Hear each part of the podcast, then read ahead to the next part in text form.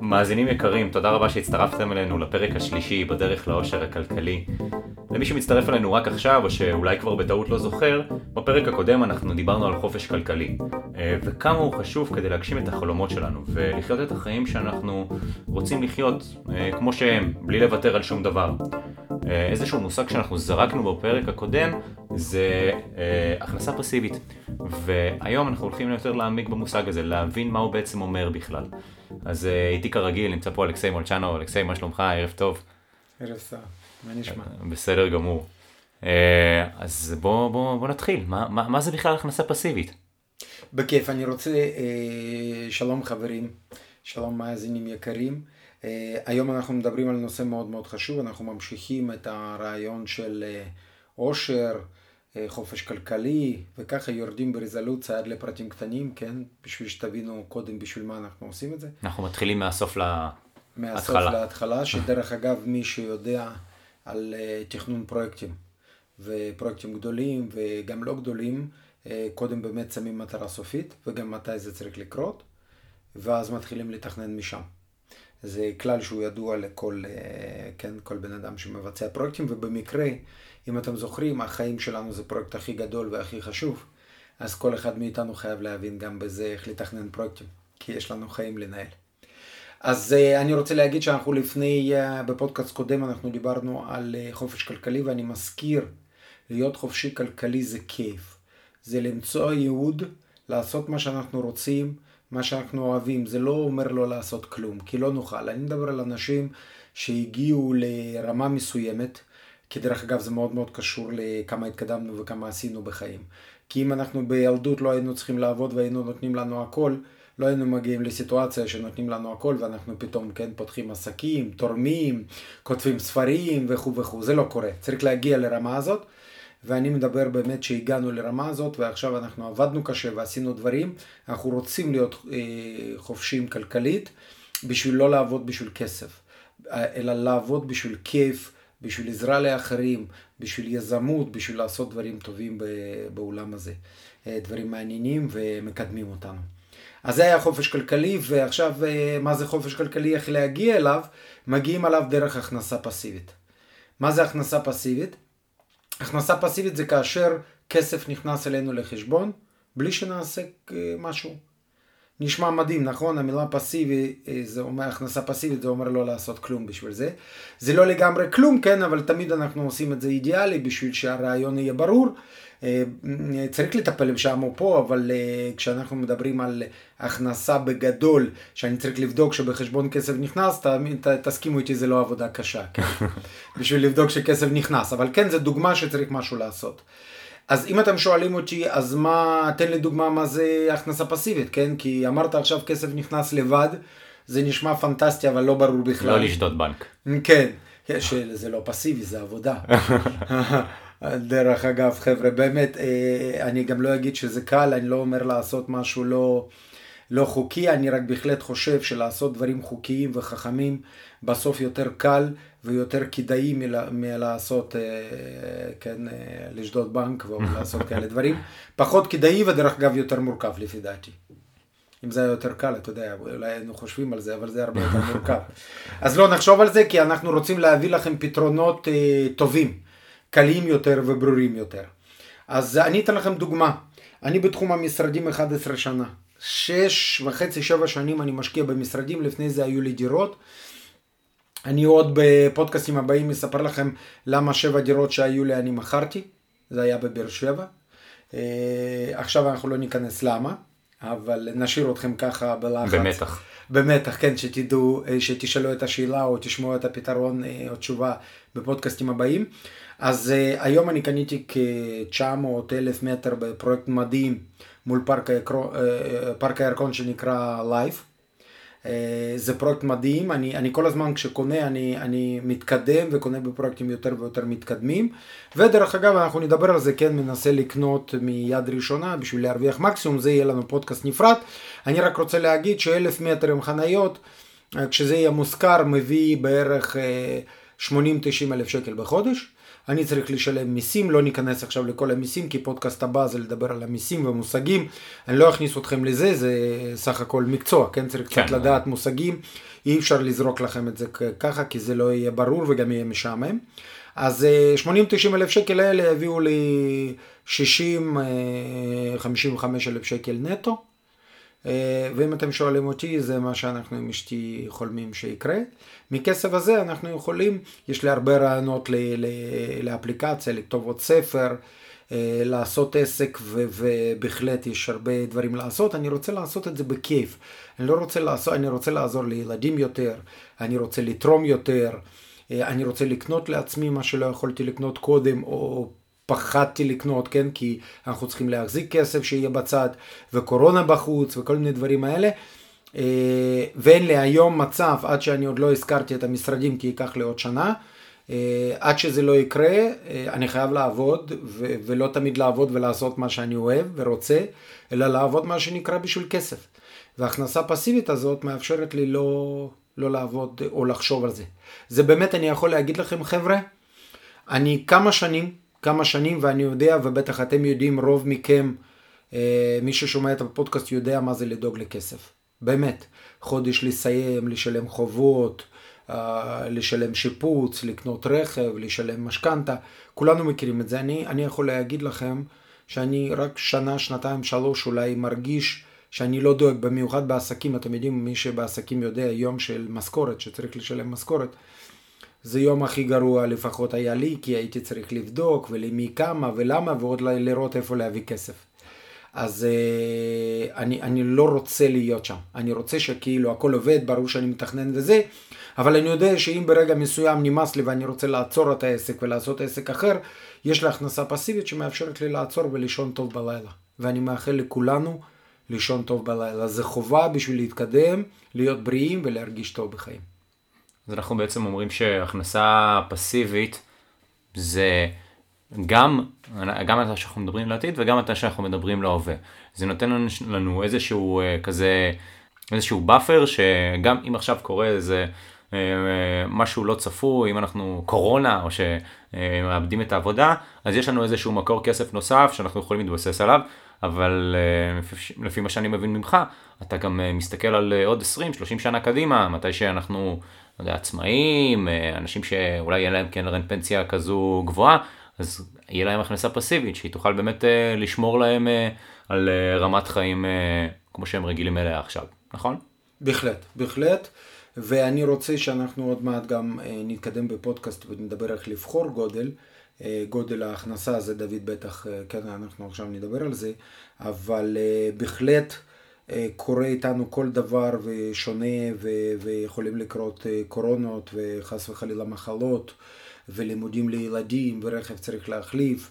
הקטע הזה שאתה רגוע, שאתה כל רגע.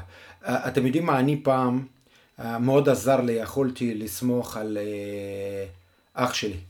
פשוט יותר, כן, היום הוא איפשהו פנסיונר. הוא יחסית צעיר וכל הכבוד לו, איש עסקים מוצלח וכולי. אבל אני יכול להגיד לכם, חבר'ה, גם אם זה לא היה אמיתי, למרות שאצלי זה היה אמיתי, כשאתה יודע שאתה יכול לסמוך על מישהו, שאם אתה נפלת או קרה משהו ומישהו ירים אותך, ובמקרה אני מדבר על הכנסה פסיבית, אנחנו עובדים וחיים אחרת. חבר'ה, תנסו אותי.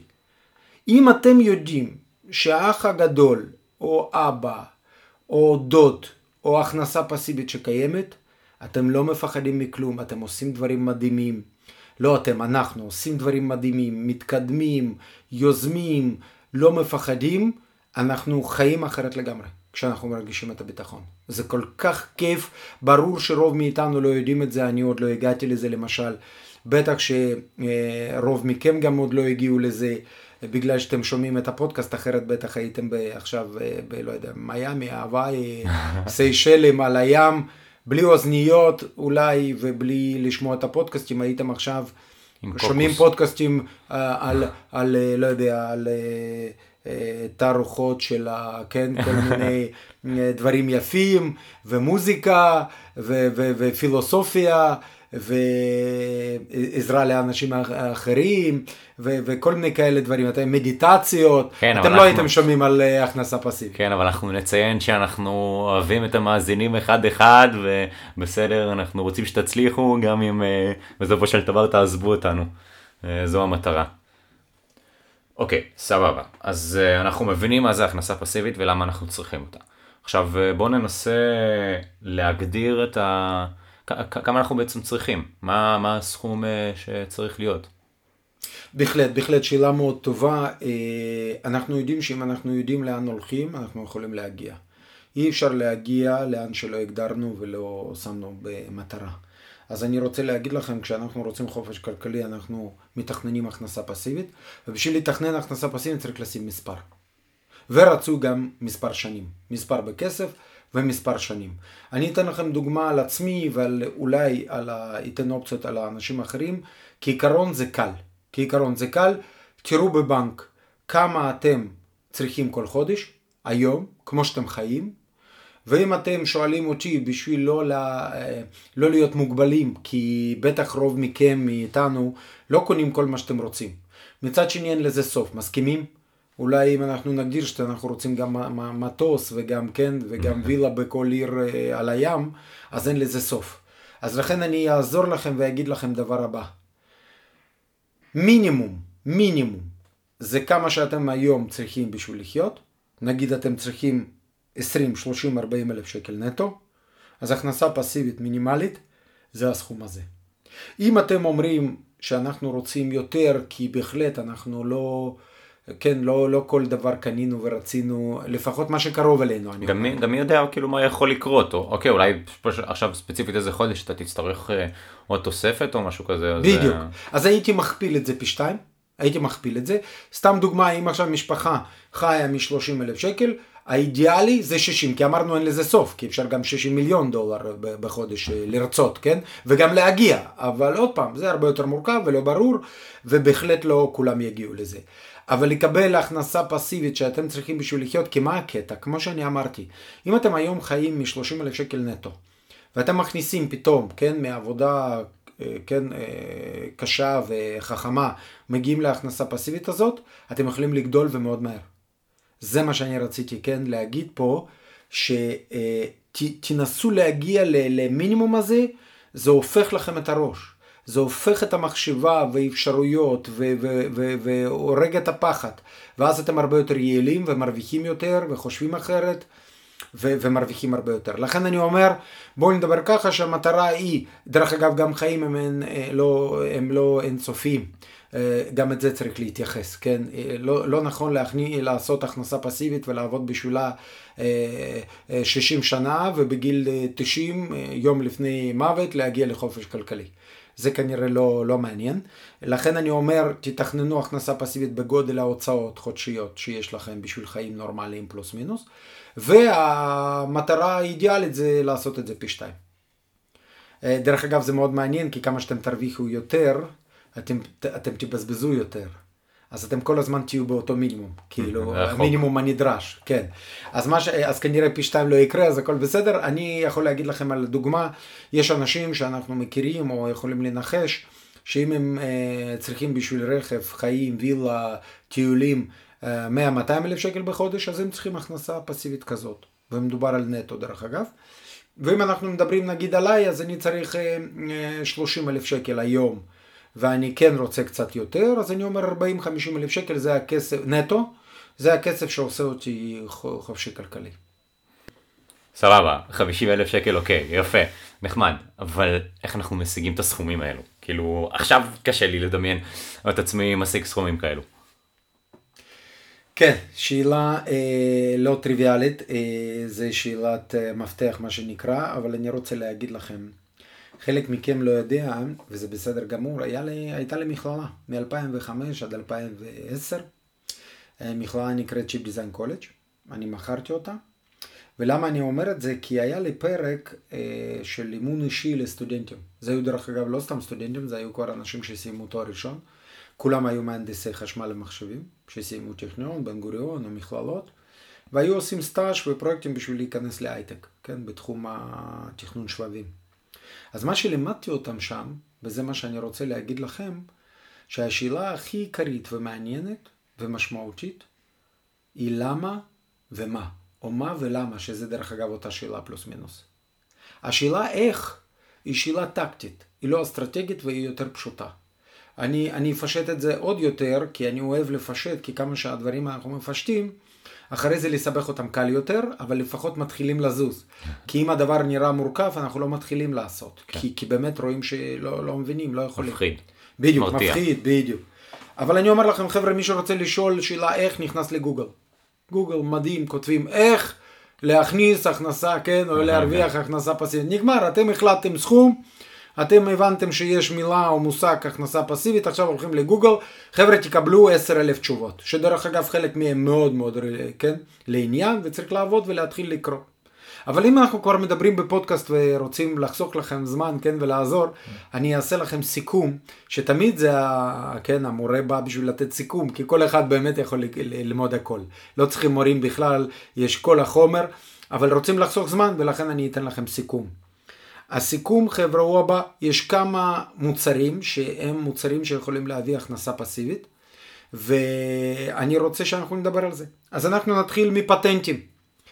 אה, יהיו כמה דברים שאתם תגידו מה עכשיו, כן? מה פתאום פטנטים, כן? אבל זה כזה מאוד רלוונטי לעולם של ההייטק לפחות, העולם שממנו אתה מגיע. כן, למרות שזה רלוונטי, יש הרבה אנשים מאוד מאוד מבריקים, והם לא מצאו את ה... לא עשו ביזנס או לא מצאו עבודה שמשלמים להם הרבה.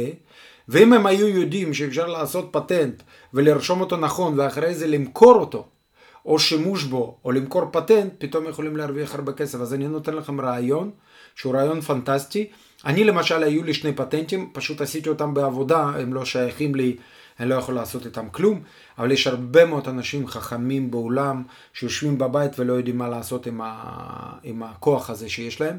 אז הנה נתתי לכם רעיון, חבר'ה, אם יש לכם רעיון טוב, אתם מחפשים משקיע, אומרים שיש לכם רעיון לעשות פטנט עם הרעיון, כל אחד, אם הוא מהנדס או מתמטיקאי או כן, כן כל, זה כל... כאילו זה לא להמציא את האטום בהכרח, בדיוק, זה יכול בדיוק, להיות, זה יכול להיות, אה, לא, זה יכול להיות עניין עיצובי אפילו, כן, כן, אם אתם יודעים לצייר, סתם דוגמה, ואתם המצאתם משהו עיצובי, פעם היה לי רעיון, בוא נגיד אותו, לא עשיתי איתו כלום, אולי מישהו יעשה איתו משהו, יש לי קובץ ושם כתוב, לא יודע, אני לא יודע אם אני אמצא אותו כי אני לא, לא פתחתי אותו הרבה זמן. אבל יש לי קובץ עם רעיונות, ויש שם 20-30 רעיונות. היה לי רעיון פעם שאני לא רואה שעד עכשיו עשו את זה, אבל אתם יודעים, אני לא אהיה קמצן כי לא עשיתי עם זה, אז לפחות אולי מי ששומע יעשה עם זה משהו. רכבים נוסעים עם הסימבולים האלה, נכון? טויוטה, כן. לקסוס, אה, מרצדס, כן? וזה פרסום לרכב, וזה גם סימנים יפים, נכון? לא סתם. ולא רואים אותם בערב. לא רואים אותם בערב. מה זה אומר? הפסדנו עכשיו בערב, נוסעים כן דברים וזה. חבר'ה, אני חשבתי לעשות שהסימבולים האלה יהיו עם... בערב, דרך אגב, בצהריים זה לא רלוונטי, אבל בערב שיש אור. קצת, כן, כחול כזה או משהו יפה, שזה רעיון נראה פשוט, כן? מצד שני, לפי דעתי, מפינת החברות, כן? אה, אני חושב שחבל שלא עושים את זה. כאילו לא עולה לי עכשיו איזה משהו בשלום, אבל יש עשרות אלפי רעיונות כאלו. אז ש... הנה נתתי לכם דוגמה שהיו לי כן כל מיני רעיונות גדול, גדולים יותר, קטנים יותר, אבל זה הרעיון שלא צריך להיות בשביל זה מהנדס, או לא צריך להיות בשביל זה גאון, גדול, אבל אתם לא תאמינו שדבר כזה קטן, אני שמעתי פעם על סיפור על קולגייט, שמי שהגיע לחברת קולגייט עם רעיון, שאת הפתח לעשות יותר גדול. ואז הם ימכרו יותר את המשחת שיניים. וחבר'ה, שם יצא כאילו, בוא, בוא, בינינו זה, זה לא משהו מורכב, כן? זה לא משהו כאילו כן, גאוני, אז שתדעו. אם אנחנו נעשה את זה יותר גדול, ש... אז כן. ישתמשו יותר במשחת נכון, שיניים. זה יצא יותר, בדיוק, כן. יוצא יותר, ימכרו יותר. חבר'ה, זה עבד, אני לא זוכר איך זה נגמר, אני אפילו חושב ששילמו לו על זה. אבל תחשבו על הדברים כאלה שבאים עם רעיונות ולא צריך בשביל, אני סיפרתי לכם את זה בשביל הכיוון. כי בטח יש אנשים שיש להם מיליון כאלה דברים, הם לא רושמים. תחשבו עכשיו שאתם מוצאים עורך דין בתחום של הפטנטים, ואומר בוא אני מוציא פטנטים, אנחנו איתך שותפים, אני לא משלם לך על הפטנטים. חצי חצי אם אתה אוהב את הרעיונות, אתה משלם כי יש לך כסף, אתה תהיה בעלים איתי 50-50 על הפטנט, ובוא ננסה למכור ולהרוויח. ויש אנשים שיכולים להוציא בשנה 50 פטנטים, וגם מעניינים וגם טובים, אז זה נתתי רעיון. בלי לעבוד קשה או בלי להיות uh, סופר זה, זה פשוט כיוון של האנשים, כן? זה, זה מוח כזה. וגם אמרתי לכם רעיון איך בלי כסף, כי לרשום פטנטים זה עניין יקר, אבל uh, יש המון עורכי דין בתחום הפטנט, הם דרך אגב מאוד עשירים, הם עושים המון כסף, המון כסף. החברות האלה מרוויחות המון, במקרה אני מכיר את החבר'ה גם, חלק. גם חברות גדולות וגם פחות גדולות, אבל uh, uh, זה כיוון לביזנס. אז זה הפטנטים. ספרים. חבר'ה, אני יודע את זה ממה שנקרא מקור ראשון, יש לי שני ספרים. אז אני יכול להגיד לכם אה, שלא ידעתי את זה. הייתי אופטימי יותר בקטע שחשבתי שאפשר להרוויח על, הכס, על הספרים. אני יכול להגיד לכם שכן אפשר להרוויח, אני כותב ספר לא בשביל זה. בשביל לעזור לאנשים, כי אני גם נהנה, ובשביל להיות אה, אוטוריטה בתחום. אני רוצה שאנשים ידעו כמה אני יודע, כי איך הם ידעו? מהסיפורים שלי, ככה הם יכולים לקנות ספר, ללמוד, לעשות דברים טובים, ובסוף, בגלל שזה עדיין נדל"ן תחום מורכב, כן, זה לא משהו שלומדים חמש דקות, וזה גם תחום יקר מאוד, אנשים משלמים מאות אלפי שקלים לפחות, כן, אה, והטעות היא מאוד יקרה, אז הם בסוף יבואו אליי ואני אעזור להם. איך הם יבואו? דרך הספר שראו. אז ברור שאני כאילו אה, מרוויח על זה וזה עובד פנטסטי, אבל למכור ספרים הרבה ולהרוויח על זה, אה, אני פחות מאמין, אבל בהחלט חבר'ה שזה לא יעצור אתכם, אה, כי, כי אם אתם זוכרים, הארי פוטר, כן, על הסיפור, אמרו לה בהוצאות לאור, לא יודע, 100 הוצאות לאור אמרו לה לא, או 50, לא זוכר כמה. אז אני פשוט הוצאתי ספרים תמיד על הכסף שלי, לא חיכיתי. מה גם שהיום זה, זה סיפור זול יחסית, כן? אתה לא חייב אפילו להוציא אותו לאור בכתב, אתה גם מוצרים דיגיטליים, ו... אודיובוק זה כאילו היום הופך להיות מאוד פשוט. לגמרי, נכון, מסכים. אה, אני רק אומר שזה רעיון יכול להיות עוד למישהו שלא חשב, ויש אנשים שמרוויחים טוב על הספרים. בדרך כלל זה יותר מקדם אותנו בעסקים ובכיף, ולהשאיר משהו אחרינו, כן? אבל בהחלט זה עוד אופציה, כי גם רוברט קיאסקי כשכתב את הספר שלו, הוא לא חשב שזה יהיה ספר, אה, כן, בין המוכרים בעולם. זה מה שקשור לספרים. מוצרים דיגיטליים. מאוד פופולרי. מאוד, ואני אומר, זה ממש כל אחד יכול. כל בן אדם ש, ש, ש, ש, כן, ש, ש, שיכול לדבר, או גם לא צריך היום לדבר, אה, ש, ש, שרואה בעיניים ויש לו ידיים, כל אחד, כל אחד היום יכול להוציא, יש תוכנות שעולות 15 דולר, שאפשר להקליט בבית, לא צריך כלום. הוא ממש מצלם מסך ומצלמה, אני קניתי עכשיו מצלמה ב-100 שקל. uh, HD, כי קודם היה לי על הלפטופ וזה, עכשיו אנחנו באיכות מדהימה, ובטח לכל אחד, כן, יש 100 שקל, זה, זה ברור, ואתם יושבים בבית ואתם יכולים לעשות מה שאתם רוצים. ללמד איך לעשות, אה, איך אה, להכין אוכל, אה, איך לעבוד בזום, איך לעבוד עם וורד, איך לפתור בעיות במתמטיקה, להבין תחום כזה או אחר. אה, איך לצייר, איך לנגן, כל דבר, אתם חייבים בסוף מישהו משהו לדעת, נכון? מישהו יודע לרוץ, מישהו יודע לעשות אה, קוביות בבטן, לא חשוב מה, כל אחד משהו יודע. מישהו יודע היסטוריה, דוד אוהב למשל מאוד, יכול לעשות, כן, ולספר, אני למשל מאוד אוהב קיצורי היסטוריה, כן, לא לקרוא, אין לי זמן, כי אני קורא כל מה שקשור למכירות, כן, להתפתחות אישית וזה. אני דרך אגב החלטתי בזמן האחרון, אני קראתי המון ובכל התחומים. אני חושב שאני צודק, שצריך להיות ממוקד, ואני היום אה, כמתנה נותן לעצמי לקרוא רומן אה, אהבה משהו, או ספר היסטורי, כי אני כאילו צריך כן לעבוד. ואז אני קורא ספרים שמקדמים אותי בביזנס ובמשפחה ובבריאות וכל הדברים האלה. אבל למשל דוד, אתה יכול לעשות כן אה, מה שנקרא שיעורי היסטוריה, כן, מקוצרים מעניינים, ויכול להיות שיהיו אנשים... גם תאורטית פודקאסט. זה גם איזשהו כלי. בדיוק, אפשר גם למכור. אנחנו, האמת, לא מרוויחים אה, משלנו, אבל זה לא המטרה שלו, אבל אה, גם, זה גם אפשרות. אנחנו עשינו קורס שנקרא איך לצלוח משברים ולהיות מוכן תמיד. שם אנחנו מדברים באמת על כל המנהיגות וכל הכוח לעבור משברים. עשיתי את זה בשביל, בזמן הקורונה בשביל לעזור לאנשים. אז מי שירצה תכתבו לנו, אנחנו נביא לכם אה, לינק, היום זה גם ב-75% הנחה. אה, קריטי, אני מדבר על הכל, על עצמאי, על שכיר, על הילדים, אישה או בעל בבית, אה, משברים, חוסר כסף, פחד, קריטי, ואני גם דרך אגב לא, לא מכיר מוצר דומה. עשינו גם קורס וידאו, כן, על איך להשקיע, קורס מבוא כזה. גם תגידו, אנחנו גם נותנים אותו בחינם דרך אגב. בשביל לעזור לאנשים, אז תגידו, אנחנו נשלח לכם. אה, מוצרים דיגיטליים, הספר שלי, הלכתי עד הסוף. היינו, עשינו גם דיגיטלי וגם שמע. אז גם מי שרוצה, אנחנו נשלח לינק, אה, תכתבו לנו איפה ששם אתם תשמעו את, הפוד, תשמעו את הפודקאסט. זה מה שקשור למוצרים דיגיטליים.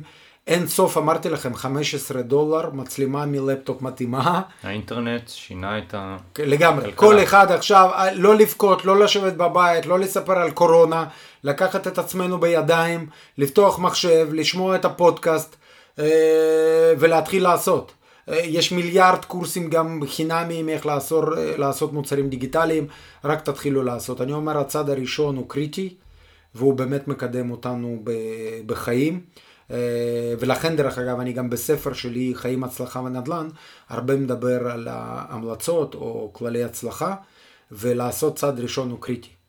אה, אני כשמתחיל ספר חבר'ה אה, אין זמן לא מגיע זה מה אני עושה אני נכנס למחשב מדליק מחשב נכנס פותח ספרייה שנקראת ספר מספר 2 או 3 עכשיו אני אעשה וכותב פותח ספרייה שנקראת מסמכים ופותח וורד כותב גרסה 0-1 ומתחיל לכתוב למטה, למעלה השם של הספר. מזה מתחיל הספר. ואני אומר לכם חבר'ה, כל אחד שמנסה לנסות לכתוב ספר, כל מה שהוא צריך לעשות זה לעשות עכשיו מה שאני אמרתי ועושים את זה בערך שתי דקות. שתי דקות צריך בשביל לפתוח מחשב ולעשות לפתוח את הקובץ. זה מה שצריך לעשות. אנשים לא מגיעים לזה, לכן לא מתקדמים. אני כבר מכיר את עצמי ומכיר את הכלל, אז אני פשוט אה, מתחיל. וכתבתי מילה ראשונה, אני כבר יודע שאני יודע לכתוב מילה שנייה ושלישית ורביעית, וככה אני מסיים ספר. תנסו ותראו כמה זה עוזר. אז זה מוצרים דיגיטליים שזה כיף גדול, באמת אפשר לעשות. אני עכשיו מתכנן, כשראיתי את הקטע של ה-15 דולר ואני בבית ורואים אותי ואני יכול מצגת פה ולדבר ו- ו- ולהכניס וידאו ומוזיקה. חבר'ה, זה סטודיה בבית, לא צריך שום דבר. ויש לי כל כך הרבה, אני בטוח לכם, אין, אה, לא פחות, יש הרבה ידע ו- ואפשרויות, אני יודע ללמד ניהול זמן וניהול עדיפויות ו- ולנהל שבוע ולעשות פרויקט ולכתוב ספר ולקנות נדל"ן, מיליון דברים להביא וכל העניין זה פלטפורמה, איך לעשות את זה קל. אז אני למשל מצאתי, אני יכול ככה בשבוע לעשות שלושה מוצרים דיגיטליים ותחשבו בשנה אני יכול לעשות מאה. דרך אגב, אה, כמו שאנחנו יודעים על עסקים ובחיים, ההצלחה היא מעבר לפינה, חבר'ה. תלכו עד שלא תצליחו. ואם אתם לא מסכימים, אתם יודעים, כמו בצבא יש בדיחה הזאת, שתמיד תמיד ל- ל- לשמוע, ל- להקשיב לקצין, ואם אתם לא מסכימים, זה כלל ראשון. הכלל שני, אם אתם לא מסכימים, תפנו לכלל ראשון. אז זה אותו דבר, חבר'ה. הכל אפשרי, הכל אפשר לעשות, זה כלל ראשון. ואם אתם לא מסכימים, תלכו לכלל ראשון. כי זה לא מעניין, זה חובה וזה אפשרי וזה הוכח מיליארד פעמים. הכל אפשרי ואתם יכולים להצליח, רק תתחילו לנוע בכיוון. זה היה מוצרים דיגיטליים, עכשיו השקעה בעסק של מישהו אחר. אני אגיד את זה חד משמעי, אני הבטחתי לכם לעשות דברים פשוט. אל תשקיעו בעסקים של אחרים. למה? זה תחום מאוד מאוד מורכב, עושים את זה מעט מאוד אנשים, התותחים, אני אתן לכם כדוגמה, אני נגיד אוהב את הדוגמה דוב מורן, דוב מורן היה מנהל שלי, אני עבדתי בהם סיסטמס, הוא היה בעלים ומנכ"ל של החברה, עד שלא מכר את זה, ב, לא זוכר כבר מיליארד דולר לסנדיסק, כן, אה, דוב מורן יכול להשקיע בעסקים, חבר'ה, כי הוא בנה ביזנס של מיליארד דולר, הוא מבין בזה, הוא, הוא, זה אנשים ברמה מאוד מאוד גבוהה, הם יכולים להשקיע בעסקים, כי הם מבינים איך עסקים עובדים. אני בעסקים, עשר שנים, אני לא, חמש עשרה שנה, אני לא הגעתי, כן, כרגע לצערי, לרמה של דוב מורן, אבל לכן אני למשל לא משקיע. כי יש כל מיני כללים, זה מאוד מורכב, אתם תישארו בלי כסף. אם יש לכם דוד שעושה עסקים, ואתם לא יכולים לשלוט שם ב business, ואתם לא תותחים ב business, אל תעשו את זה כי ילך לכם כל הכסף. אם אתם לא שולטים ב business, גם אי אפשר להכריח להוציא כסף, ולהוציא דיבידנד, אפשר לא לראות את הכסף גם אם חברה מרוויחה. בקיצר, אל תעשו את זה, נעשה את זה פשוט, בסדר? אל תשקיעו ב business של מישהו אחר, גם אם זה דוד וחבר ושכנה ולא חשוב מה, אל תעשו את זה. הנה, ככה, הנה, עשיתי את זה פשוט בשביל לא לבלבל אתכם. לבנות עסק ו... ולבנות עסק משלכם. זה, זה רמה מאוד יפה, רמה מאוד גבוהה, וברור שכל אחד יכול. אה, רק צריך לרצות, כמו שאמרנו קודם. אה, זה לא קל, אבל אם אתם רוצים, אין פה מישהו ששומע ולא יכול, דרך רק, אגב. רק אני כאילו אדגיש את זה, לבנות עסק ואז אחרי זה להעביר אותו בעצם לניהול של מישהו אחר, כאילו לבנות את הבסיס ואז... אה, נכון, נכון. אני רק כרגע אומר שאפשר לבנות עסק ובאמצעות עסק להרוויח כסף ולקנות נכסים שיביאו הכנסה פסיבית. ואז אה, בסוף אתה יכול גם לא למכור אותו. סתם דוגמה, הגיעה סיטואציה שהעסק לא מרוויח או שאתה עייף ולא הצלחת למכור אותו, אתה סוגר אותו. יש לך כבר כסף, יש לך כבר נכסים, אז גם לא מכרת גם בסדר. אבל למה אני אומר על עסק? חבר'ה, אני רוצה להגיד, יש אנשים שאומרים, ואני שומע את זה, שלא כולם יכולים להיות אנשי עסקים. שטויות. ואתם יודעים למה? הזמן כל כך השתנה, אימא שלי גם אמרה פעם לעשות תואר ראשון, ושהיא לא מסכימה אחרת, וכשאני אעשה תואר ראשון, תעשה אחרי זה מה שאתה רוצה. אז זה פעם היה נכון אולי, באמת. למרות שאנחנו גם אז ידענו הרבה אנשים שלא עשו אה, תואר אה, בהנדסה, אבל אחרי זה עשו עסקים וכולי, למרות שאני מדבר איתכם על מדינה סובייטית שלא היו שם עסקים, מי שהיה עושה עסקים נכנס לבית סוהר, אבל אה, אה, עכשיו אני אומר לכם, אנחנו בישראל, אנחנו לא בברית המועצות, אה, וזה, וזה בסדר גמור, אנחנו בקפיטליזם, והיום העולם כל כך התקדם, בגלל, בטח בגלל האינטרנט, כי אינטרנט אה, קידם את ה... הקפיץ את הטכנולוגיות בסדרי גודל. אני יכול להגיד לכם שהיום לא חובה ללמוד uh, תואר ראשון בשביל להצליח בחיים, חד משמעי. אני אומר לכם, זה בן אדם, אני אומר לכם את זה כבן אדם שעשה תואר ראשון, שני ועוד פעם תואר שני. אני אומר לכם שזה לא חובה. אז מה שאני רוצה להגיד לכם, עסק כל אחד יכול ולא רק יכול, חייב. למה? כי הגענו היום, הנושא שאנחנו מדברים זה הכנסה פסיבית ועוד מעט אנחנו נדבר על נדל"ן. כל אחד חייב להשקיע, והשקעה זה ביזנס חבר'ה. אי אפשר להשקיע בלי להבין מה זה תזרים מזומנים, מה זה אה, רווח והפסד, מה זה מיסים, מה זה מימון, מה זה בנקים, אה, מה זה תשואה, אי אפשר לעשות את זה, אז ההשקעה זה ביזנס לכל דבר, ואין לנו היום ברירה, כל אחד חייב להבין בזה, ואם הוא מבין בזה הוא ביזנסמן. אז מי שסיפר לכם שלא כל אחד יכול להיות ביזנסמן, שטויות, לא נכון, ויש לי חדשות טובות ולא טובות במובן הזה, אין לנו ברירה.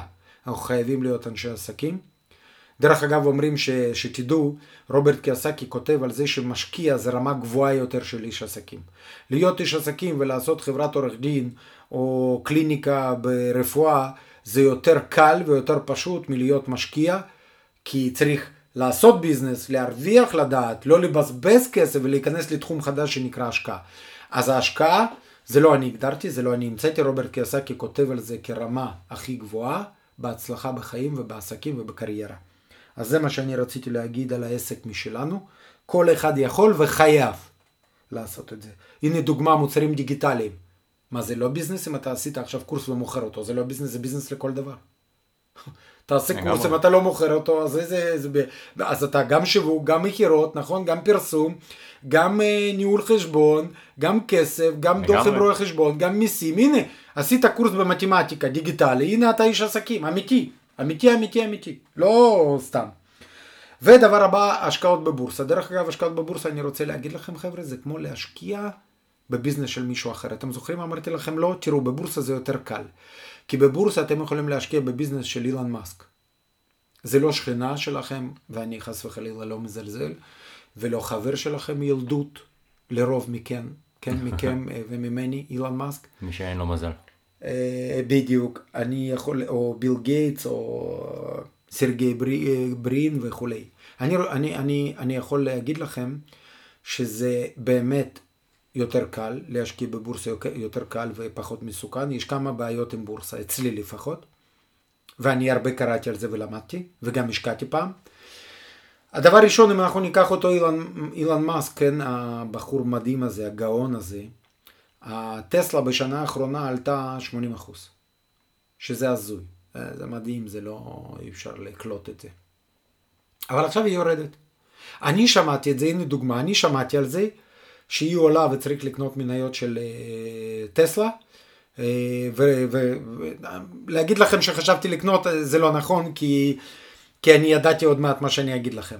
פשוט ברגע ששמעתי על זה, שבוע אחרי זה אני שמעתי שהיא נופלת. למה אני אומר את זה? אני אומר שיש כלל, ויש מיליון כללים. אחד מהכללים, אם אתם שמעתם על מניה שהיא מתנהגת יפה, זה אומר שכבר מאוחר לקנות אותה. זה אחד מהכללים. הכלל השני, שכמה שזה קל לקנות ולמכור מניות, זה רק נראה לכם. הטכנולוגיה או טקטיקה היחידה שעובדת בבורסה, זה ידוע, זה לא אני המצאתי חבר'ה. זה אמר גם את וורן באפט, כן, הבחור, אולי שמעתם, כן, אחד מהמשקיעים הכי גדולים בבורסה בהיסטוריה. אה, הוא אומר שהטקטיקה היחידה שעובדת זה לקנות ולהחזיק. זה אומר לקנות ולהחזיק ולא למכור מניה. אז אני אגיד לכם חבר'ה שזה, אני מסכים איתו למרות שמי אני, כן? אבל אני מסכים איתו, אני חושב ככה, וזה אומר שהכסף לא נזיל בבורסה בכלל. כי אתה אף פעם לא יודע מתי להוציא, כי יכול להיות שזה עוד יגדל פי שלוש. או אם אתה אישרת וחשבת שיהיה בסדר, יכול להיות שאתה תוציא חצי. אה, אז אתה לא יכול, אני ראיתי את זה, הגיע אה, בחור אחד מקסים, אנחנו בנבחרת 25 של אהרון אולמן, מי שלא יודע, אני מספר לכם וגם ממליץ מאוד, זה שינה לי חיים וזה דבר מדהים. הגיע בחור שהוא הייטקיסט וזה להתייעץ איתי, כי מכירים שם, מדברים, אה, כן, נטוורקינג, שיתופי פעולה.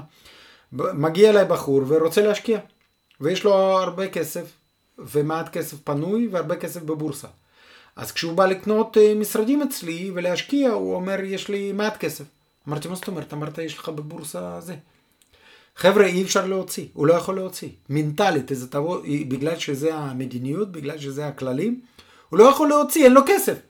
יש לו שם מיליון דולר, הוא לא יכול להוציא, וזה אמיתי. זה אמיתי, הוא לא יכול להוציא. דרך אגב, אם אתם שואלים אותי, אני לא יודע מתי הוא יכול להוציא. כשהוא מעביר את זה לילדים, כשהוא מת, כשהוא מתי. אי אפשר להוציא, זה ככה עובד. כאשר דרך אגב בנדל"ן, שפעם אמרו על זה שנדל"ן קונים ולא מוכרים אף פעם, זה לא עובד ככה. אני נדל"ן קונה כל יום, קונה ומוכר. כי מרוויח יותר ומוכר וכולי, כי כשאני רואה עסקה טובה בגלל שהנדל"ן לא משתנה כל כך מהר, כמו בורסה, או למטה או למעלה, אני יודע איפה הוא הגיע, אני יודע שהשינוי גדול יותר לא יקרה, או הרבה יותר, ואני יודע מה לעשות. בבורסה, בגלל שאתה אף פעם לא יודע האם זה מחר יגדל אה, עוד 20 אחוז, או שאתה לא יודע, דרך אגב, גם כשאתה אישרת והיית בסדר, אה, מה שמפריע לי בבורסה זה עניין שאתה, אני למשל לא יכול לישון עם זה טוב, ואני בטוח הרבה אנשים. הרבה אנשים לא יכולים לישון טוב כשיש להם מיליון שקל או חצי מיליון שקל או שבע מיליון שקל בבורסה, ו- וקרה עם הקורונה, ירד, נפל, עלה, כן, בכל הסיטואציות. זה עלה כאילו בסוף עדיין מנטלית זה קשה. אני חושב שאני לא הייתי יושב. אני, אם אתה אומר לי עכשיו, אלכסיי, כן, הנה כסף אצלך, ו- וכל הכסף, או רוב הכסף, אני לא מדבר רק ש- על, על סיטואציה שיש לי 100 מיליון. יש לי 100 מיליון, אני יודע מה בדיוק לעשות. אני הייתי קונה קומה בישראל, הייתי קונה מולטי פמילי בארצות הברית, הייתי, כן, פה הייתי משלם 20 מיליון שקל, נגיד יש לי 100 מיליון, הייתי 20 מיליון, 20 מיליון פלוס גמר זה נגיד 20 ו... 23 מיליון uh, שקל אני פה שמתי, הייתי קונה מולטי פמילי במיליון, גם 2 מיליון דולר נגיד, זה עוד 20. כאילו, אבל הנקודה היא זה שכאילו אם אתה עכשיו אה, בן אדם מהשורה שהכסף הזה שיש לך בבורסה ופתאום הוא נופל ב-70, גם אם אתה מקשיב לכלל הזה של להחזיק את זה, בכל זאת מנטלית זה מאוד קשה. לכן אני אומר שזה לא עובד. כי בטח לכל בן אדם נורמלי, אם הוא רואה שכל יום נמחק לו 100 אלף שקל. יש בן אדם נורמלי אחד שהוא יושן ו- ו- ואין לו מיליארדים, כי יש מיליארדים אולי זה בסדר, למרות שהאנשים האלה הגיעו לאושר הזה בגלל שהם חסכו וכל שקל חשוב להם, דרך אגב, שתדעו. אלה שהרוויחו הרבה זה אלה שיודעים להעריך כסף, זה מאוד מאוד קשור. ואלה שלא מעריכים כסף ולא סופרים כסף נשארים עניים. אז, אז אלה שיש להם 100 מיליון, אם נופל להם עכשיו 100 אלף שקל בבורסה, הם לא ישנים בלילה. הם מאוד עצבניים ולא מרגישים טוב. ואני לא אתן פה דוגמאות, כי יש לי כל מיני, דרך אגב. אז זה היה על השקעות בבורסה. ועכשיו אני רוצה לדבר איתכם על השקעות בנדל"ן. על השקעות בנדל"ן אני רוצה להגיד שזו השקעה קלאסית, אני מאוד אוהב אותה. היא הרבה יותר בטוחה, היא הרבה יותר ברורה, היא הרבה יותר פשוטה, באמת, יושנים איתה טוב בלילה, היא לא עולה מהר מאוד, היא לא יורדת, היא קלאסית, ומה שנקרא, אם אתה הולך לאט, אתה מגיע הכי מהר. זה הפתגם שהיה פה, הייתי אומר, הוא בטוח ו... והוא ברור. אה, לכן זה מה שאני עושה. אה, אנחנו מלווים מאוד אה, משקיעים, ואם אתם תרצו להתייעץ גם על השקעות והיופי שאנחנו לא מוכרים מה שיש לנו. אנחנו ממש מייעצים לכל בן אדם, האם הוא פנסיונר שאוכל כסף אחרון, האם הוא צעיר, האם הוא ביזנסמן ויש לו הרבה כסף, האם הוא ביזנסמן שיש לו מעט כסף, לכל אחד אסטרטגיה שונה, ואנחנו בונים את התוכנית המתאימה לבן אדם. ולא מוכרים, אנחנו רואים את זה יום יום ואתם יודעים. תבוא אליי, אתה רוצה להשקיע, יש לי, מה, מה, אני מוכר דירות, תקנה, אני אסביר לך שזה טוב. חבר'ה, מגיעים אליי אנשים, ואם אני רואה שמה שיש לי לא מתאים להם או לא נכון, בשביל שיהיה להם טוב, אני אף פעם לא אציע, כי אנחנו מאוד מאמינים אה, לעבודה לטווח ארוך. אי אפשר, אנחנו חייבים לעזור ולא למכור לאנשים דברים. אוקיי, okay, ולצד היתרונות אה, של אה, נדל"ן, אה, אנחנו משוחדים כמובן. מה אנחנו בכל זאת יכולים להגיד ל... ש... שכן איזה, איזה סיכון יש בזה? מה אנחנו צריכים לקחת בחשבון? זו שאלה טובה. זו שאלה מאוד מורכבת ומעניינת, אנחנו מדברים על זה הרבה בפוסט שעשינו עם יריב לפני חודש בערך. חבר'ה, אתם, המשקיעים לא מקצועיים לא, לא יכולים לדעת את זה. זה צריך לדבר ולהתייעץ, כי גם המשקיעים, שתו, גם היועצי ההשקעות אה, כמוני, שיושבים בזה יום ולילה וקוראים דברים ולומדים, יכולים לטעות. אתם כאנשים שבאים, רופאים, עורכי דין, מורים, אה, פנסיונרים, מהנדסים, אתם, אתם לא יכולים לדעת את זה. אה, צריך לעשות תוכנית, צריך לראות שוק וצריך לעבוד נכון. עוד פעם, זה מאוד מאוד תלוי לבן אדם. יש אנשים שמרוויחים אה, נגיד בהייטק הרבה, אז הם יכולים לקחת מימון יותר. יש אנשים צעירים שיכולים לעשות פליפים, זה אומר כאילו אקזיטים, לקנות ולמכור, כן? אה, למה? כי הם צעירים ורוצים לגדול יותר מהר. גם אם הם אה, לא הרוויחו או הפסידו קצת, בגלל שהם צעירים לא יקרה להם כלום. לפנסיונר אני לא אציע את זה אף פעם. לכן זה, זה תלוי בבן אדם, אי אפשר להגיד את זה גורף, כי לכל בן אדם, אם אתה בונה תוכנית שהיא מתאימה, ואתה עושה דברים נכונים לך, אז אתה גם לא מסתכן ככה. מסכים עם פנסיונר, נגיד אני דיברתי עכשיו עם אה, אישה שיצאה מפנסיה מוקדמת מבנק לאומי, ויש לה חצי מיליון שקל, ודרך אגב הבעיה שאני אמרתי, היו לה יועצים שאמרו אל תעשי שום דבר עם כסף ותמשיכי מה שאת עושה. אני אומר שזה מסוכן כי אני בדקתי איך היא חיה, והחיה היא ככה שהיא מוסיפה. אה, לחיים 10,000 שקל בחודש. כשהיא עושה את זה, אנחנו עשינו חשבון, כן, שאתם מבינים שעוד ארבע וחצי שנים אין לה כסף. והיא אישה צעירה, בת 60. תבינו, זה בן אדם בגיל 65 אין לו כסף. לכן, היא צריכה להקטין בהוצאות, והיא חייבת לקנות נדל"ן, ולא לאכול את הכסף. כי למה בכלל משקיעים בנדל"ן? כי היופי בהשקעה שאתה יכול להשקיע, וכסף שאתה מקבל מהשכרה, אתה יכול לאכול אותו בלי סוף והוא לא נגמר. ההשקעה נשארת, וזה עוד יישאר לילדים ולנכדים וכולי. לכן חובה להשקיע, אמרתי לה, שאני מציע לה לקנות ב-200 אלף שקל בית בארצות הברית. היא לא חייבת לעשות את זה ברור איתי, היא יכולה לעשות את זה, אבל ברור לא לבד, ברור שלא לבד, היא לא מבינה בזה כלום. לעשות עם מי שהיא סומכת עליו, לקנות בית ב-200 אלף אה, שקל, לקבל, אה, אני אגיד עכשיו כמה, 2,000 שקל בחודש, כן? לקבל 2,000 שקל בחודש. אמרתי, לצמצם. ואז, אה, אם אתה שואל אותי, דוד, הייתי אומר לקנות שני כאלה בתים נגיד, להישאר עם 100 אלף שקל, לקנות משהו שזה באמת, זה, זה בתים שמושכרים, אה, אתה יכול מקסימום להפסיד שיש לך חודשיים, אין לך חודשיים הכנסה, אבל זה לא יתאפס כמו, כן, כן זה לא יקרה כמו עם מניה שפתאום הם חצי. או 20 אחוז, זה לא יכול לקרות עם בית אה, בגדול בארצות הברית, אם לא עבדו עליך, כן, אם עבדו עליך ו, ונפלת זה משהו אחר, אבל כעיקרון אתה קונה משהו, מקבל את ה... תחשוב עכשיו היא תקבל 4,000 שקל ותחשוב שהיא צמצמה ועכשיו היא חייבת לא 10,000 שקל אלא 4,000 שקל. אז מה קרה? קרה שהיא עכשיו חיה ויכולה לחיות עד, עד גיל 200. כי יש לה כסף שמתחדש כל הזמן, והיא תשאיר גם לילדים. אני, חבר'ה, זה, זה, זה, זה אסור, אנחנו חייבים לחיות טוב, ובדרך גם להשאיר משהו לילדים, כי אנחנו צריכים תמיד שילדים יהיו, יהיו יותר טוב מאיתנו ונכדים יותר טוב מילדים שלנו, וככה מתקדמים, זה מה שנקרא progress. אז זה מה שאני אומר, הנה דוגמה שאני אמרתי לה, ואז היא לא מסתכנת. 100 אלף שקל יספיק לה בשביל, כן? בשביל כמה שנים, אם חס וחלילה זה, והיא עכשיו מקבלת כסף 4 אלף שקל עד סוף החיים שלה. אז בעצם הסיכון, אה, לפי מה שאני מבין ממך, בניגוד אה, לשאר הדרכים של ההכנסה פסיבית שדיברנו עליהם מקודם, זה לעשות את התהליך הזה לבד. זה אה, לא להתייעץ עם אנשים שמבינים בתחום, או שההפך, להתייעץ באנשים שיש להם איזשהו אינטרס שהוא כאילו נגדך, או שלא מספיק מבינים, ושם בעצם נעוצה הסכנה, שזה... אני אגיד לך בשביל לעשות פה סדר. אני חושב שחד משמעי, בן אדם שהוא לא משקיע אה, מקצועי מה שנקרא, אני חושב שאני משקיע מקצועי כי זה מקצוע שלי. אתם מבינים? לא בגלל שאני חכם יותר ממישהו אחר, חס וחלילה. אני פשוט עושה את זה. אז אה, כל בן אדם שעושה משהו הוא טוב בזה, יחסית, נכון? אז אני אומר שאני טוב בהשקעות כי אני עושה את זה 11 שנה כל יום, 12 אה, שעות. אז אני אומר שלבד בן אדם שהוא רופא, עורך דין, לא משקיע מה שנקרא מקצועי, אסור לו לעשות זה לבד לדעתי. אה, אם אנחנו מדברים עם מי לעבוד, זה, אתם יודעים, זה שאלת מפתח, כי זה כמו להתחתן. אם טעית, הלך עליך, כן? התחתנת לא נכון, בדיוק, התחתנת לא נכון, לא, אתה יכול להתגרש, אבל זה, זה קשה, אנחנו יודעים את זה. אה, אח שלי כשהתגרש הוא אמר שזה מוות קטנה. אה, אני בלי לדעת ובלי לנסות, חס וחלילה, אני מנסה, אני, אני, אני גם חושב שאני לא אנסה בחיים, אני חושב שזה קטסטרופה, לכן כשאני אומר להתחתן, זה אומר שכל אופציה אחרת אחרי זה להתגרש זה מאוד קשה ואנחנו לא רוצים. לכן חבר'ה, למצוא בן אדם מתאים ונכון, זה הבעיה הכי קשה. מצד אחד, זה לא קשה, מה, לפגוש אנשים ולהרגיש, כן, זה לא עכשיו לעשות תואר ראשון, שני, שלישי.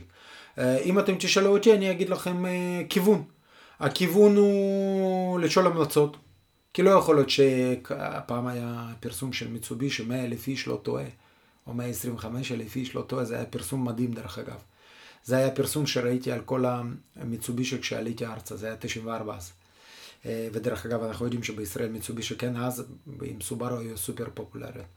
אז מה שאני רוצה להגיד, שאם אתם תבנו, תפנו לאנשים ותבדקו ותשאלו הרבה ותקבלו המלצות, הרבה המלצות, אתם לא יכולים לטעות. לא יכול להיות שאתם תפגשו 10, 100, כן, 50 אנשים שיגידו וואי, תלכו ותעשו, כולם טועים, לא, לא יכול להיות.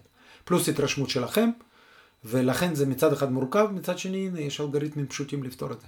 אני בטוח שאתה לא יכול לטעות שאם המורה נהיגה אמרו לך עשרה חברים שאתה מכיר שעשו לפני כמה זמן זה היה טוב, קשה מאוד לטעות. קשה מאוד לטעות. לכן זה, זה חובה למצוא בן אדם, לבדוק אותו.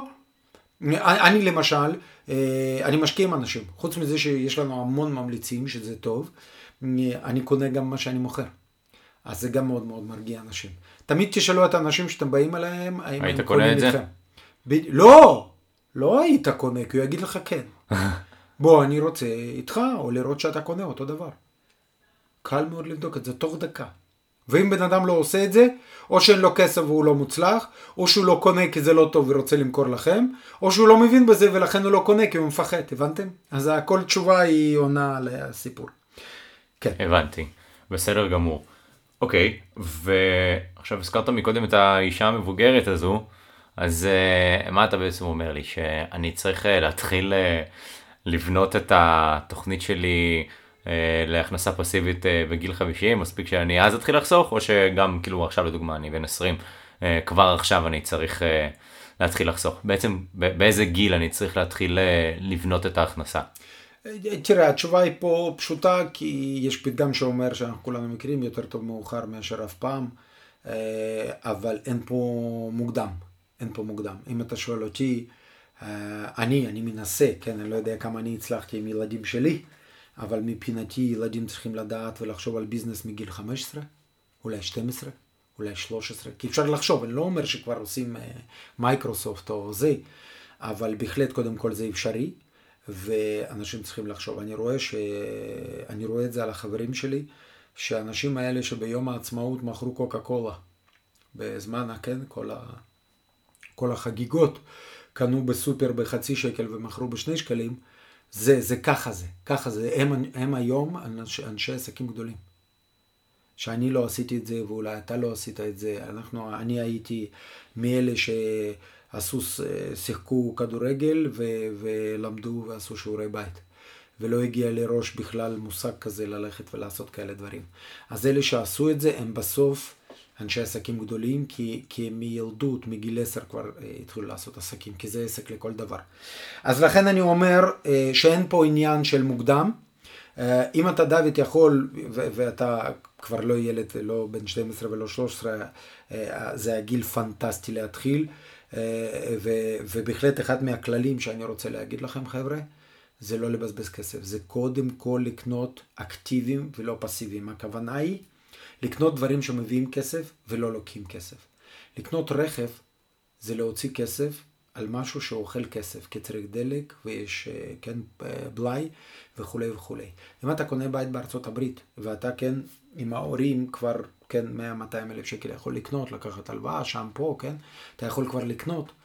ואז אני נותן את זה כרעיון, תקנה רכב, תקבל, אה, תקנה בית. נגיד אה, רצית רכב, אני אתן את זה כדוגמה פשוטה, נגיד היה לך 100 אלף שקל, ואבא הביא 100 אלף שקל, ואתה קנית עכשיו בית בארצות הברית, וב-100 אלף שקל יכולת לקנות רכב, נכון? והלך כל הכסף, והוא מצטמצם, וכן, כן, ונגמר. כי אה, רכב, רכב רק מאבד את הערך שלו. ברור, אז תחשוב עכשיו, אני נותן לך דוגמה, אתה קונה עכשיו בית, בית עם אבא. מקבל 300, נגיד 350, זה 1,000, 1,100 בחודש. אני אומר לך, בוודאות, שב-100 אלף שקל בחודש, ב-1,100 שקל בחודש, אתה לוקח רכב מדהים בליסינג. היום. מה הקטע? הקטע שאתה גם עם רכב, וכל הכסף שהיה לך נשאר. לא גאוני, אבל זה נכון? גאוני ופשוט.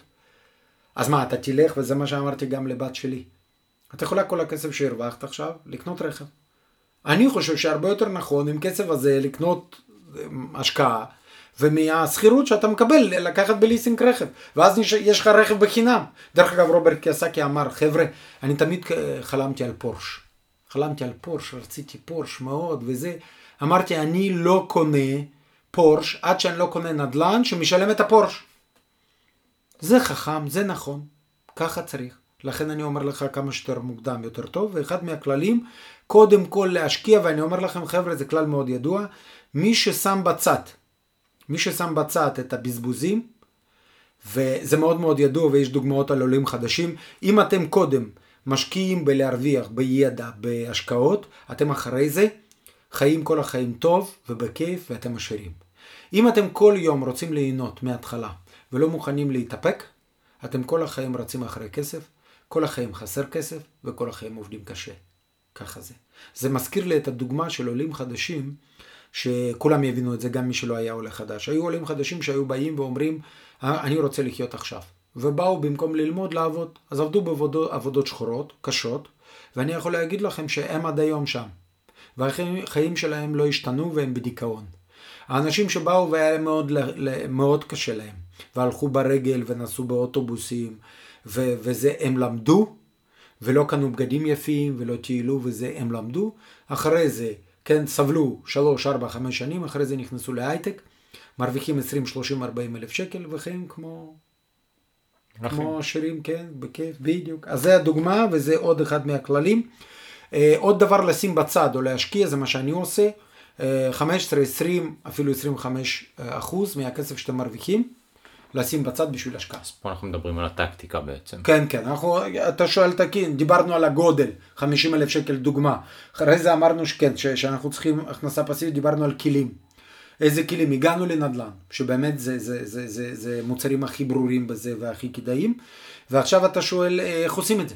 אז אמרתי, רצינו, שאלנו למצוא מומחים, לשים כסף בצד, לא לבזבז, וכשתקנו בית ועוד דירה ועוד משרד, ואז תתחילו קצת לקנות, כמו שאמרתי, רוצה רכב, תקנה קודם בית. ואז מהבית הזה תקנה רכב. רוצה בית שלך בבית, רוצה בית לגור, תקנה שלושה, שלוש דירות להשקעה קודם. ואז תקנה בית, או שני משרדים, ואז תקנה בית. אנחנו בכלל, אה, אני יכול להגיד לכם שזה נושא ענק, והיום זה כבר אפשרי. אה, לא נכון לקנות בית אף פעם. היום, אני קניתי כי זה היה לפני 25 שנה, אני אז לא ידעתי מה זה נדל"ן בכלל. אה, היום יש פרויקטים לטווח ארוך, דירה להשכרה וכל מיני כאלה, בונים את זה. כמו בארצות הברית, יש אנשים שחיים בשכירות, אני יודע, אנשי עסקים. אה, יריב למשל, יש לו, לא יודע, 50 דירות או 100 דירות ו-100 בתים. הוא גר בדירה שכורה בישראל. כי מבחינתו, על הכסף שהיה קונה את הדירה, הוא היה, הוא, אם הוא היה קונה את הדירה, הוא היה מרוויח פי שלוש פחות ממה שהוא מרוויח על אותו סכום שמה שהוא השקיע. הבתים שמביאים לו, או דירות שמביאות לו, מביאות פי שלוש ממה שהוא משלם שכירות על אותו סכום של עלות הדירה שהוא גר בתל אביב. אתם מבינים חבר'ה את הרעיון? לא כדאי, אתם מפסידים פי שתיים, פי שלוש, פי ארבע. על זה שאתם קניתם משהו שיכולתם להשקיע ולהביא שכירות, וממנו לשלם את הבית הכי יקר בישראל. אנשים גרים בבתים מדהימים שעולים 10-15 אלף שקל בחודש שכירות, ובכסף הזה הם מכניסים 30 אלף שקל. בכסף הזה שמשקיעים ולא קונים את הדירה, כי נגיד הדירה הזאת עולה 15 מיליון שקל. בכסף הזה מש... מרוויחים הרבה יותר ממה שעולה שכירות. אוקיי, okay, אז רגע אלכסי, אני רוצה להחזיר אותך אחורה לאיזה משהו שלא הבנתי, דיברת שם על אה, לשים בצד חלק מההכנסות, מה, למה אתה מתכוון? אני מתכוון שאנחנו מרוויחים משכורת, הכוונה משכורת, לא לשים חלק מההשקעות, כן? מה שאתה מקבל הכנסה. אני מדבר על הכנסות שלנו מעבודה. כל אחד, אתה נגיד מקבל משכורת, אני מקבל בביזנס, כן? רווח, לא לבזבז הכל. חבר'ה, זה מאוד חשוב, אני אסביר. יש אנשי עסקים שאומרים שכל מה שאני מרוויח אני מכניס לפיתוח עסק. חבר'ה, זה טעות פטאלית. גם אם אתם אנשי העסקים הכי טובים בעולם, וזה באמת ככה, יכול לקרות מצב כמו קורונה, וחברה סופר מוצלחת בתיירות, מתה ביום אחד, ועכשיו כל הכסף וכל ההשקעה הלכה, ולבן אדם הזה ולמשפחה שלו אין לה מה, מה לאכול. זה ברור, אני מקווה. לכן, לא עושים את זה, ומחר לא יהיה קורונה, יש מקרונה, ו- וזה ישפיע לא על תיירות ומסעדות, וזה ישפיע על עורכי דין חס וחלילה, או על מתווכים, או לא חשוב מה. לכן אני אומר, חבר'ה, בעסקים 15, 20, 30, אני מוציא מקסימום, כי אני מאוד מאמין ואני מאוד מאוד יעיל בנדל"ן. ודרך אגב אני אגיד לכם שאני בכוח מוציא יותר בשביל לא לבזבז. כי יש כלל פשוט, אם במשפחה, בבית, בחשבון יש כסף, הוא הולך. כי תמיד אפשר, אה, יש לאן לשים אותו, זה, כן, זה קל, זה לא מורכב. לכן אני אומר, אם יש לך משכורת, תנסה לעשות ככה שאתה אין לך זכות לאכול ולשלם על רכב ועל דברים כאלה יותר מ-70-80 אחוז, אתה חייב לשים בצד, ודרך אגב כמה שיותר, ככה תצא לחופש כלכלי יותר מהר. מדהים. בסדר גמור אלכסי, תודה רבה. יצא לנו פרק uh, ככה קצת יותר uh, ארוך מהרגיל, אבל uh, אני חושב שזה uh, איזשהו אבן יסוד סופר חשובה בדרך הזו שאנחנו uh, צועדים בה, ואני כבר מחכה לפרקים הבאים. Uh, יותר להעמיק uh, ולהבין באמת מבחינה טכנית איך אנחנו עושים את זה. אז תודה רבה אלכסי. סגור, תודה רבה. להתראות. חברים יקרים, תודה רבה שהאזנתם לנו היום. אנחנו מזמינים אתכם לשתף אותנו בפייסבוק, מה חשבתם על הפרק, מה הדרך שלכם להכנסה פסיבית, איך אתם מנסים להשיג אותה. כמו כן, אנחנו יותר מנשמח אם תוכלו לתת לנו לייק ולשתף את הפרק גם לחברים שלכם, כדי שגם הם יוכלו להצטרף אלינו במסע אל החופש הכלכלי. תודה רבה.